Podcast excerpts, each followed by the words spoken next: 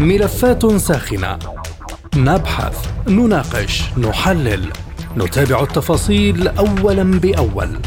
ملفات ساخنة. برنامج يلقي الضوء على كل الملفات مع باقة من أبرز المحللين والمسؤولين.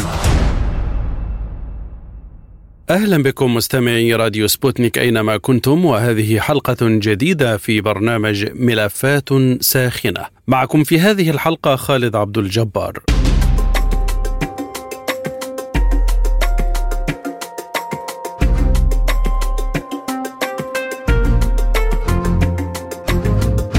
لم يتمكن نواب البرلمان اللبناني الأربعاء مجددا وللمرة الثانية عشرة من انتخاب رئيس للجمهورية بعدما لم يحصل لا سليمان فرنجية المرشح المدعوم من حزب الله ولا وزير المالية السابق جهاد أزعور على عدد كاف من الأصوات للفوز في جلسة برلمانية حامية. وحصل أزعور على تأييد 59 صوتا من أصل 128 نائبا في البرلمان في تصويت أولي. أي أقل من الثلثين المطلوبين للفوز في الجولة الأولى. في المقابل حصل فرنجية على 51 صوتا في الجولة الأولى. يذكر أن في الدورة الأولى يحتاج أي مرشح إلى 86 صوتا للفوز بمنصب الرئيس. وفي الجلسة الثانية يحتاج إلى 65 صوتا أي النصف زائد واحد. وانتهت الجلسة عقب انسحاب نواب من حزب الله وحلفائه ليعطلوا بذلك نصاب الثلثين المطلوب لإجراء جولة ثانية من التصويت يمكن لمرشح كما قلنا أن يفوز فيها بدعم 65 نائبا. فشل التصويت يؤجل الشغور الرئاسي الممتد منذ أكتوبر تشرين الأول الماضي عقب انتهاء ولاية ميشيل عون. كما يرجئ حسم العملية السياسية المتوقفة في البلد الغارق فعليا في واحدة من أسوأ الأزمات الاقتصادية في العالم والذي يواجه أيضا شللا سياسيا غير مسبوق. في ظل غياب رئيس الدولة ومجلس الوزراء الكامل الصلاحيات وكذلك انقسام البرلمان. نتساءل في هذه الحلقة من برنامج ملفات ساخنة. ما هو السيناريو القادم سياسيا وقانونيا؟ وما هي رؤية الثنائي أمل حزب الله لاختيار سليمان فرنجية دون غيره؟ وكيف يرى الفريق الآخر موقف أصحاب الثلث المعطل؟ أرحب بضيوف هذه الحلقة من بيروت. الدكتور بشارة خير الله المستشار السياسي للرئيس اللبناني الأسبق والباحث السياسي ومؤسس دار الحوار. والأستاذ سمير حسن الكاتب الصحفي اللبناني. والأستاذ خليل نصر الله المختص بالشؤون الإقليمية. مرحبا بكم جميعا وأبدأ معك دكتور بشارة وأسألك آه لماذا فشل إذا البرلمان للمرة الثانية عشرة في انتخاب رئيس للبلاد؟ ببساطة لأن هناك فريق أثبت أنه لا يملك الأغلبية في المجلس النيابي لكنه يملك القدرة على تعطيل الجلسة لأنه يمتلك ببساطة مفتاح المجلس النيابي. يعني الفريق الموالي للثنائي الذي ينتمي إليه رئيس المجلس النيابي نبيه بري هو الفريق الأضعف بحسب الأرقام. يعني مرشح هذا الفريق نال 51 صوتا من أصل 122 إذا هناك 77 صوتا لم يصوتوا لسليمان فرنجي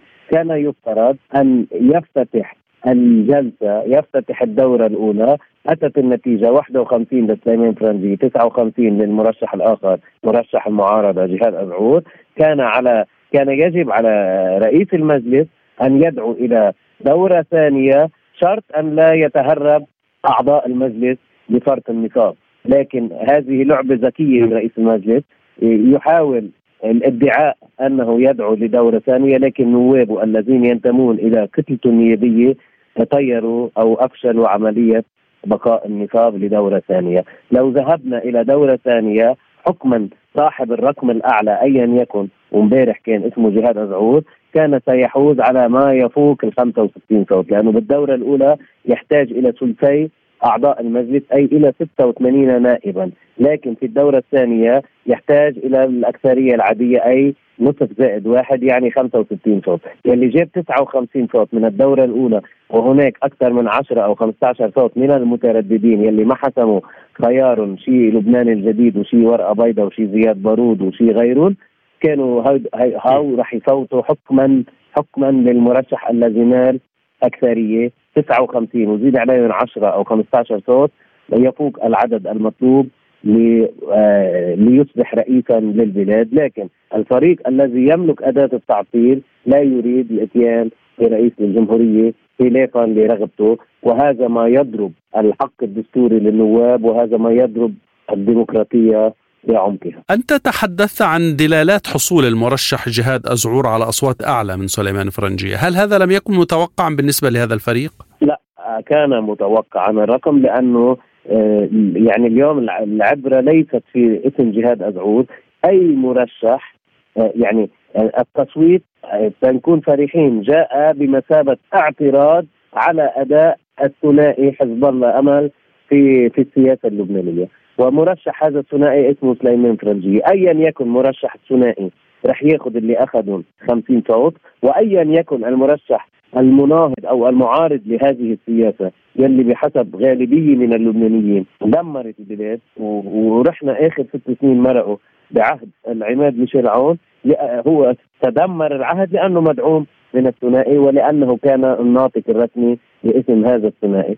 هذه السياسة التي تخالف الديمقراطية والتي تخالف يعني إذا بدك آه، رغبات المجتمعين العربي والدولي اللي بيحبوا يساعدوا لبنان أدت إلى التراجع آه، الاقتصادي والانهيار الحاصل في لبنان. هذا الفريق لم يعتبر يريد تكرار التجربة وهناك معارضة لهذه التجربة. لو هيدا الثنائي رشح غير سليمان فرنجي ما بياخذ أكثر من 50 والمعارضة أي اسم رح تختاره رح ياخذ يلي أخذه جهاد أزعور فقط لأنها تريد القول لهذا الثنائي إنه سياستك التعطيليه لم تعد يعني آه، مرغوبة في لبنان ولم تعد قابلة للصرف دكتور بشارة هل نحن هنا بإزاء الثلث المعطل الصريح وهو الذي أوصلنا لهذا الوضع؟ حكما لأنه آه، المعارضة ما عندها 86 لا تبقى آه، يعني لا تبقى قادرة تبقي النصاب فريق السلطة يعني فريق الثنائي عنده ما يفوق الرقم يلي بيفرق النصاب فاذا هذا هو الثلث معطل لكن لماذا وصف بعض النواب الجلسة بأنها غير دستورية؟ لا أنا لا أقول غير دستورية. هي دستورية لكن كان فيها شائبة. شائبة كان يجب أن لا تحصل. آه، عندما تم احتساب الأوراق ويعني آه، يعني صوت 128 نائب وطلع في 127 ورقة كان يفترض برئيس المجلس أن يعيد الفرد ولا يعيد الاقتراع يعيد الفرد. إعادة الفرز كانت ستخلي هذه الجلسة من أي شائبة. أنا لا أقول أنه خارق دستوري أنا أقول أنها شائبة شابت العملية الانتخابية وأبرزت أنه المجلس يدار بإدارة الدكانجي وليس بإدارة رئيس مجلس ويفترض فيه احترام الدستور إلى أعلى المعايير. طيب دكتور خير الله ما دلالة اكتمال نصاب الجلسة وفشلها في نفس الوقت في آه، التوافق على الرئيس؟ اكتملت لأنه كل النواب راغبين إنه يعبروا عن رأيهم وبيعرفوا إنه واجبهم الدستوري وفشلت لأنه الدورة الثانية تحتاج إلى فقط 65 نائبا وال 65 كان راح ياخذهم جهاد ازعور فريق الثنائي لا يريد لجهاد أزعور الوصول ولا يريد للمعارضة تسجيل انتصار تهرب أو فرط النصاب وهذا عمليا يعني غير ديمقراطي وغير جائز يعني هذا هروب من من الاحتكام إلى اللعبة الدستورية الديمقراطية. لكن ما مشكلة جهاد ازعور بالنسبة لهذا الفريق دكتور؟ لا هذا ليست لو لو رشحت يعني أي شخص غير جهاد ازعور رح هيدا الفريق قال مرشحنا فلان أو التعطيل مرشحنا العماد ميشيل عون أو ما في رئيس. بينا سنتين ونص من دون رئيس. بال 2015 2014 ل 16 سنتين ونص فراغ رئاسي وتدهور لأنه هذا الفريق قال مرشح فلان ولا يتراجع والمرة عم بحاول يعيد نفس التجربة، المشكلة ليست في شخص جهاد أزعور لأنه قبل جهاد أزعور كان في ميشيل معوض وبعد جهاد أزعور يمكن يكون في اسم آخر، هذا الفريق لا يريد لأي فريق غيره بالبلد إنه يعطي رأيه بده يعطي رأيه وبده الناس تمشي برأيه. إذا وفي ضوء هذا إلى أي مدى يمكن انتخاب رئيس لبنان بالتوافق والحوار كما دعا رئيس مجلس النواب نبيه بري؟ يعني بصراحة خبرية التوافق والحوار هو الخروج عن الدستور، الدستور لا يكون توافق وحوار، توافق والحوار في جيد لكن الدستور واضح إنه آه، ينتخب الرئيس وفقا للمادة 49 ينتخب الرئيس وفقا للاقتراع السري، بيدخلوا النواب على الجلسة وبيصوتوا اللي ما بيفوز على ثلثين من أول دورة يحتاج إلى دورة ثانية يحتاج فيها إلى 65 صوت ما بيقول لا مسلمين ولا مسيحيين ولا مردة ولا ثنائي ولا حوار ولا تقاطع ولا أي شيء آخر، النواب بفوتوا بينتخبوا اللي بيحوز على أغلبية الأصوات بيعمل رئيس الجمهوريه، هذه هي اللعبة الديمقراطية الدستورية، وكل ما يقال خلافا لهذا الكلام هو الخروج عن الدستور.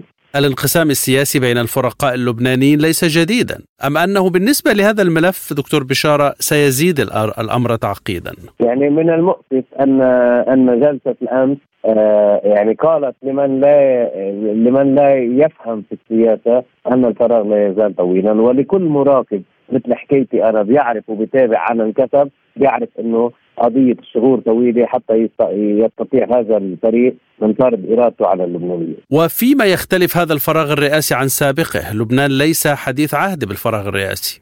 الاختلاف هو في الوضع المعيشي والاقتصادي والمستوى المعيشي الذي يعيش فيه المواطن اللبناني اليوم. يعني بالفراغ سنة 2007 كان الوضع المعيشي شيء وبالفراغ سنة 2014 كان الوضع المعيشي صار أسوأ. والفراغ الحالي اليوم سنة 2022 الوضع المعيشي يعني في حال يرثى لها. لذلك بصير الفراغ أكثر لأنه الفراغ اليوم يعني لا حكومة تعمل لا مجلس نواب يعمل لا إدارات تعمل. الدولة معطلة سنترال معطل التليفون معطل الإنترنت معطلة. كل يعني كل ما هو مرتبط بالدولة اللبنانية معطل والقدرة المعيشية للشعب صارت قدرة صعبه جدا وللغاية الليرة تدهورت أمام الدولار الأمريكي وأيضا في في ظل الفراغ ما بيعود في عندك ثقة بالدولة ولا بيعود عندك ثقة بالوضع الاجتماعي والوضع المعيشي لذلك تهرب الاستثمارات. يعني العجلة الاقتصادية تتراجع إلى الحد الأدنى عندما لا يكون هناك انتظام للمؤسسات. لما تنتظم مؤسسات الدولة بتتحرك العجله الاقتصاديه بيجي المستثمر بيجي السائح بيجي الخليجي بيجي اللبناني المغترب بيصرف مصاري بيعمل انفستمنت بلبنان لأنه بيكون بلد آمن وبلد ينذر إنه قابل للحياة. لما مقطوع رأس الدولة يعني عمليا ما في رئيس جمهورية يعني ما في حكومة يعني ما في مجلس وزراء ما في جلسات انتخاب ما في مجلس نيابي ما في آه، آه، حاكم مصرف عم تخلص مدة ولايته ما في مش معروف لهلأ إذا بيبقى أو بيجيبوا نايبه أو أو أو ما عندهم قدرة على تعيين غيره، فإذا كل هذه المنظومة هي منظومة معطلة حاليا، وهذا التعطيل ينعكس سلبا على القدرة المعيشية بسبب التدهور الاقتصادي. لكن قد يقول قائل هنا إن الوضع الاقتصادي الذي أشرت إليه كان قائما حتى في ظل وجود رئيس. آه، حكما لكن وجود الرئيس اليوم وإذا كان الرئيس يعني آه، آت بهم وطني وبرضا جميع يعني أو غالبية القوى فتتشكل حكومة وعندما تتشكل حكومة من ذوي الخبرة والاختصاص وأهل الكفاءه بتتحرك حكما ستتحرك العجلة الاقتصاديه إلى الأمام. برجع بذكرك أنا سنة 2007 كان البلد بحالة يرثى لها نتيجة آه اغتيال آه رئيس مجلس وزراء الشهيد رفيق الحريري وبنتيجه الانقسام العمودي. عندما تم الاتفاق على انتخاب العماد ميشيل سليمان قائد الجيش وقت ذاك رئيسا للجمهورية دغري كان النمو تحت الصفر. ظرف سنتين من 2008 لل 2010 ارتفع النمو إلى ما يقارب العشرة ونصف بالمية وازدهر البلد وانتعشت الليرة وانتعش الشعب اللبناني لما بلشت الحرب بسوريا عاد الانقسام وعاد إذا بدك التعطيل ليفرض نفسه رجع بلش التراجع فإذا الثقة بشخص الرئيس هي العامل لل... لل... للتقدم أو للتراجع. طيب ما هي اذا الخيارات القانونية أمام اللبنانيين؟ تقصدني أقول لك آه انه الأفق مسدود ويحتاج إلى صدمة، الخوف أن تكون هذه الصدمة هي صدمة سلبية وليست صدمة إيجابية، يعني آه تفلت أمني أو توتر أو انفجار اجتماعي أو انهيار أكثر للياقه اللبنانية أو يعني آه لأنه هذا يعني الفريق المتعنت اليوم ما ما في رادع بيردعوا عن التعطيل شكرا لك الدكتور بشارة خير الله المستشار السياسي للرئيس اللبناني الأسبق والباحث السياسي ومؤسس دار الحوار. وأرحب بالأستاذ سمير حسن الكاتب الصحفي اللبناني. أستاذ سمير رؤيتك اذا لسبب فشل مجلس النواب في اختيار رئيس للمرة الثانية عشرة. كان متوقع نتيجة حاله الانقسام التي تسود البلد وحتى الآن لا توجد مؤشرات آه، لبدء حوار جدي لإخراج البلاد من حاله آه، الفراغ بالعكس يوم أمس تأكد أو تكرس حاله الانقسام وحاله الاصطفاف لذلك كان متوقع أن لا تكون جلسة يوم أمس منتجة بقدر ما كانت هي لعبة أرقام وإثبات حضور. ما جرى يوم أمس وحصول الوزير سليمان فرنجي على 51 صوت ابقاء في آه، آه، دائرة المنافسة. بينما تلك القوى التي تقاطعت على آه، الوزير جهاد أزعور أنا أعتقد ستبحث عن خيار آخر ولماذا رفض الثنائي حزب الله أمل اختيار جهاد أزعور؟ أولا يحق لأي طرف إذا كان يتمتع بقاعدة شعبية وحاضنة اجتماعية وكتلة نيابية وازنة أن يقدم مرشح آه، ينسجم معه بتطلعاته أو برؤيته السياسية. منذ البدايه الثنائي مع حلفائه قدم المرشح سليمان الفرنجية كتعبير عن آه، آه، رؤيته السياسية. لكن الفريق الآخر يا أستاذ سمير يقول إن هناك شبه إجماع أو كان هناك شبه إجماع على جهاد أزعور. واضح نتائج يوم أمس تؤكد أن ما جرى من تسويق وتهويل في الإعلام لم يكن دقيقا. نتائج يوم أمس أكد حولة الانقسام 59 للوزير جهاد أزعور و51 للوزير سليمان فرنجية و18 صوت من خارج الاصطفافين. هذا يؤكد أن كلاهما لا يمتلك الأكثرية وهذا يتطلب حوارا جديا بين الأفرقاء للخروج من الازمه. استعمال الثلث المعطل هنا أستاذ سمير ألا يزيد من انقسام الفرقاء ويزيد من آه، انقسام الوضع بشكل عام؟ الانقسام موجود بعد اتفاق آه، الدوحه دخلت بدعة الثلث المعطل، كلا الطرفين كان يتحدث عن التعطيل حتى آه، الفريق الذي أيد جهاد ازعور أو ما يعرف ببقايا 14 اذار كان يقول إذا حصل آه، آه، الوزير سليمان الفرنجي على أكثر من 65 آه، صوت سيذهبون إلى التعطيل أي بمعنى كلاهما أي الفريقين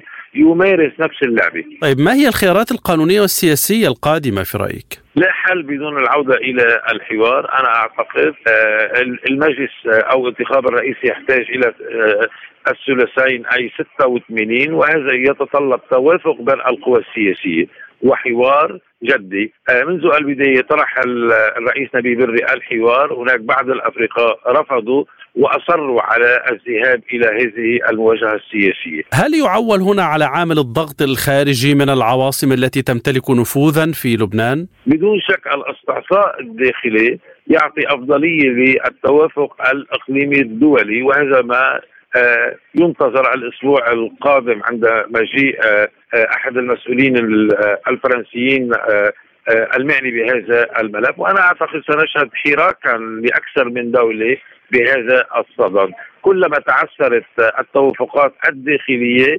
تصبح الأفضلية للتدخلات الخارجية. ولماذا لا يكون هناك توافق داخلي تحت ضغط العامل الاقتصادي على الأقل؟ للأسف حتى الآن يتعذر الوصول إلى آه، هذا المستوى من المسؤولية وحولة الانقسام سائده منذ 2005 ربما حصل هناك بعض التقاطعات ولكن لم تخرج البلاد من حالة آه، الانهيار و آه، عدم الاستقرار السياسي. نعم لذلك لابد من العودة إلى الحوار والتوافق آه، إيجاد رؤية واحدة وإنجاز الاستحقاق الرئاسي. الثنائي حزب الله أمل رؤيته إنه لا بديل عن فرنجية لا جهاد أزعور ولا غيره؟ حتى الآن الثنائي يتمسك وهو كان أول من بادر وتبنى مرشح هناك فرق كبير بين قوة لديها مرشح وقوة تبحث عن مرشح كما حصل في السابق كان مطروح ميشيل معوض والآن مطروح جهاد أزعور وربما لاحقا يكون هناك شخصية أخرى.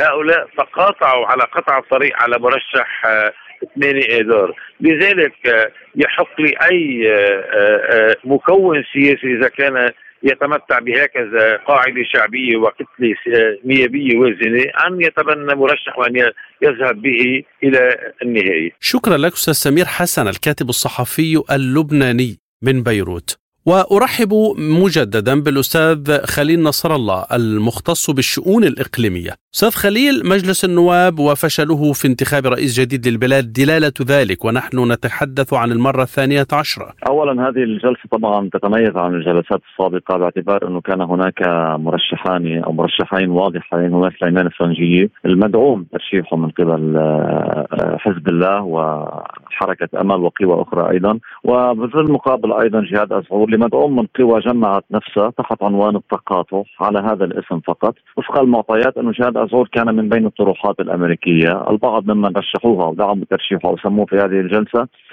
كان لحسابات تتعلق آه، شخصيه بهم أو حسابات تتعلق بأحزابهم أو بموقفهم والبعض كان حساباته إنه تطهير اسم سليمان الفرنجي. لكن ما حصل بالأمس بالجلسة 51 صوت لسليمان الفرنجي وهي تعتبر كتلة واحدة ومتينة قابلة للزيادة. في مقابل 59 صوت لجهاد ازعور طبعا وكان في حوالي 18 صوت ما بين ورقة بيضاء أو ملغاة أو اسم زياد بارود. لكن 59 صوت المتعلقة بجهاد ازعور هي عبارة عن كتل متشتتة لا تلتقي على مشاريع. آه، في فوارق كثيرة بينها لكن المصلحة الانيه حكمتهم على هذا. الأسم طبعا هي نتيجة غير جيدة بالنسبة إليهم. الفشل كان ليست مسألة فشل بمعنى الفشل لكن كانت هذه الجلسة ضمن البازار السياسي في لبنان ضمن اللعبة السياسية في لبنان. كان في محاولة لإحراق اسم وإيصال رسالة. أنا أعتقد انه الفريق الذي أراد إحراق اسم سليمان الفرنجي لم ينجح.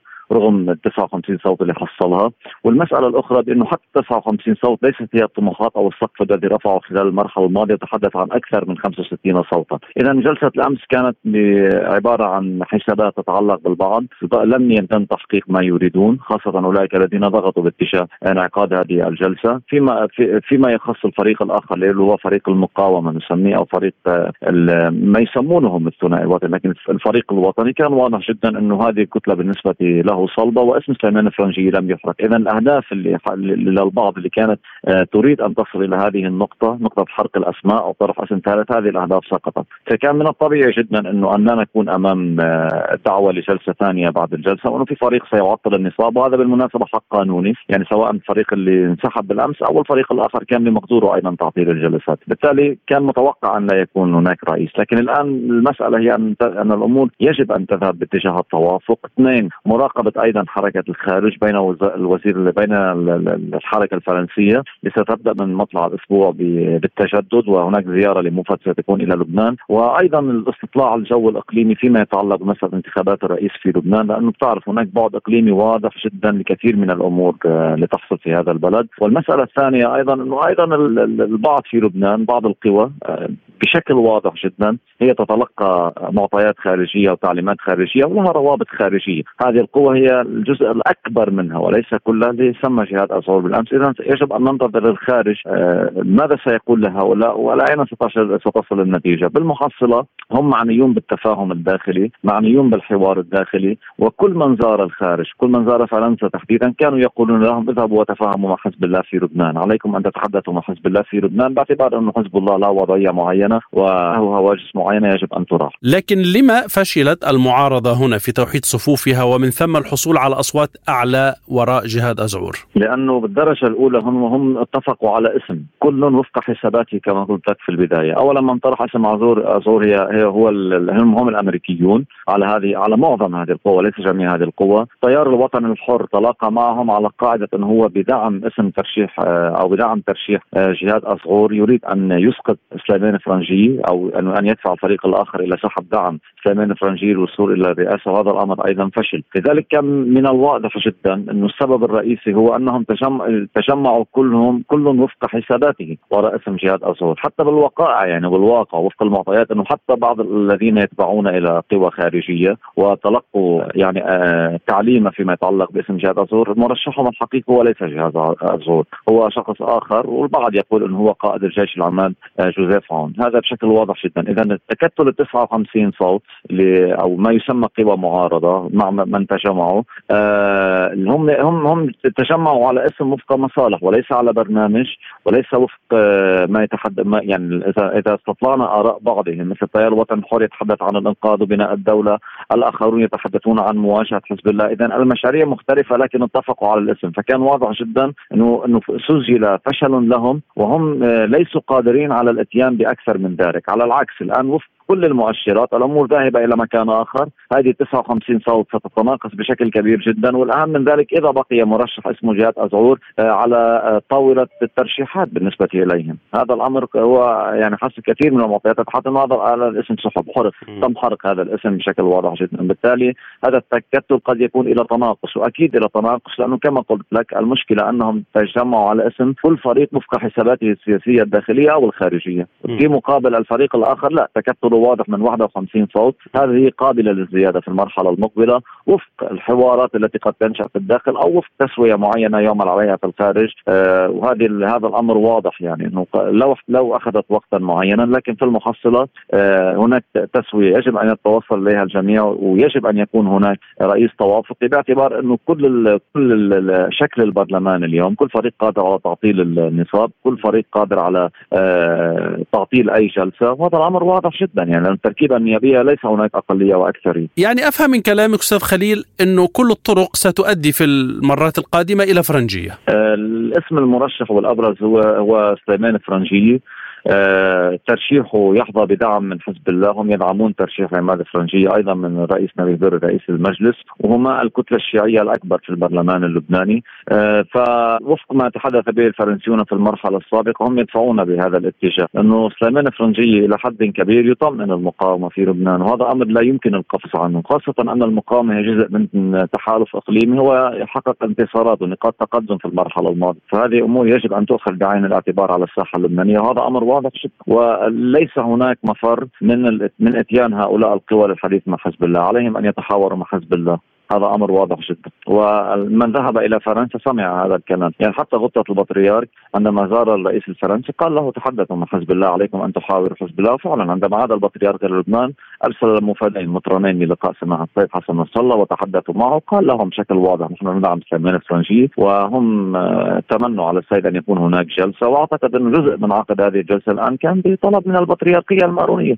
وحديث الرئيس بدري بعد أيام انه إذا طلب البطريرك إنه أن نؤجل الجلسة سأؤجل. بالتالي هم نزلوا عند رغبتهم وهم قالوا للسيد نصر نحن لا ندعم إسم نحن لكن ندعم التوافق المسيحي. لكن كما رأينا التوافق المسيحي كان على الإسم وليس على على البرامج ولا يعني نحن نتحدث عن اضداد تلاقت يعني التيار الوطني الحر هو في في في ضفة وقوات لبنانية في ضفة أخرى بالتوجهات بالنظرة إلى الواقع اللبناني حتى بالنظرة للمقاومة يعني التيار الوطني الحر من مؤيدي المقاومة من داعمي المقاومة سياسيا وفي المقابل القوات اللبنانية وما يسمى حزب القوات اللبنانية هم على نقيض تماما هم ضد حزب الله ضد سلاح حزب الله آه، يوجهون اتهامات كثيرة لحزب الله يتبنون مواقف إقليمية ضد حزب الله يعني التلاقي آه، بينهما أمر صعب. أتوقف معك هنا عند كون الثلث المعطل الذي استعمله الثنائي حزب الله أمل دستوريا أنت أشرت إلى هذا. لماذا؟ هو وفق وفق إحدى المواد الدستورية أعتقد المادة 74 يعني أذكر راما هو يجب أن ينال الرئيس في الدورة الأولى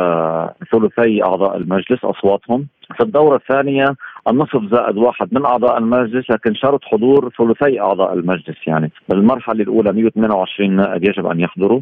حتى لو يعني جدا. إذا هو أمر قانوني تعطيل النصاب جزء من اللعبة الديمقراطية. يعني احتجاج الأمريكيين بالأمس هو تدخل في الشؤون الداخلية هم يتحدثون عن الديمقراطية. هذا حق ديمقراطي في لبنان. القوانين تكفل يعني. شكرا لك أستاذ خليل نصر الله المختص بالشؤون الإقليمية من بيروت. وشكرا لكم مستمعينا الكرام للمزيد زوروا سبوتنيك dot ae. إلى اللقاء. مستمعينا بهذا نصل وإياكم إلى نهاية هذه الحلقة من برنامج ملفات ساخنة. طابت أوقاتكم وإلى اللقاء.